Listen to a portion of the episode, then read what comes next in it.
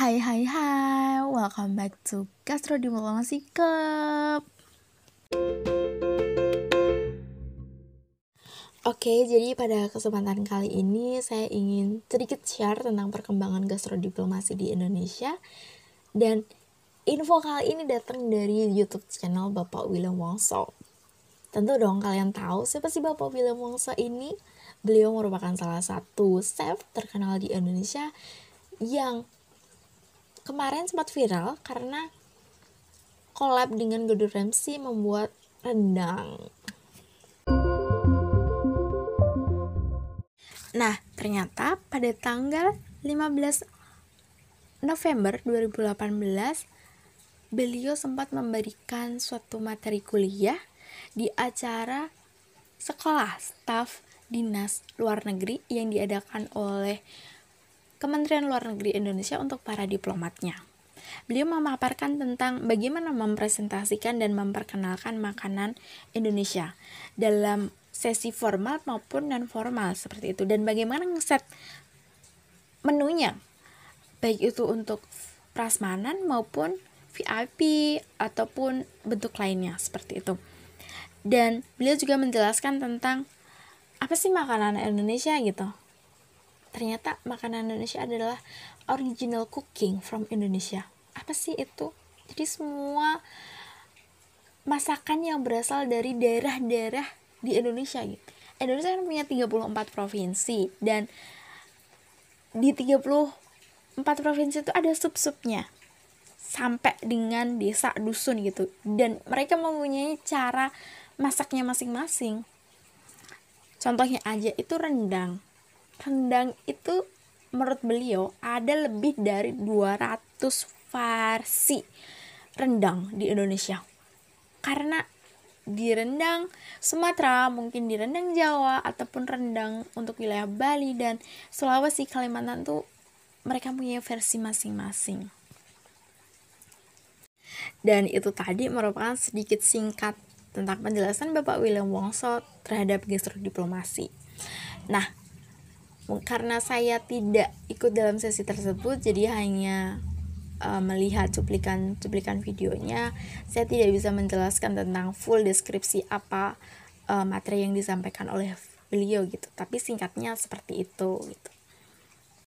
Dan menariknya di sesi video ada sebuah pesan dan kesan yang disampaikan oleh staf Kementerian Luar Negeri. Salah satunya berasal dari Ibu Dia yang menyampaikan bahwa fokus saat ini itu bukan untuk mematenkan makanan Indonesia sebagai heritage Indonesia tetapi lebih bagaimana mendevelop industri makanan Indonesia itu sendiri. Yang kedua, beliau juga menyampaikan bahwa jumlah restoran Indonesia di luar negeri masih kalah jauh jumlahnya dengan negara Thailand dan juga Korea Selatan contohnya. Dan hal ini merupakan salah satu tugas dari Kementerian Luar Negeri Indonesia di mana sebagai ujung tombak Indonesia untuk lebih memaksimalkan industri makanan ini. Yang kedua adalah berasal dari Ibu Khaira di mana beliau menyampaikan bahwa tidak ada original food makanan Indonesia itu sendiri karena di tempat di tempat-tempat yang berbeda di Indonesia itu memiliki versi makanannya masing-masing. Selain itu, beliau juga menyampaikan bahwa perlunya untuk mengidentifikasi pebisnis, restoran, industri makanan yang ada di luar negeri dan juga menganalisis siapa sih target marketnya, apakah orang Indonesia yang tinggal di luar negeri ataukah orang native-nya sana gitu.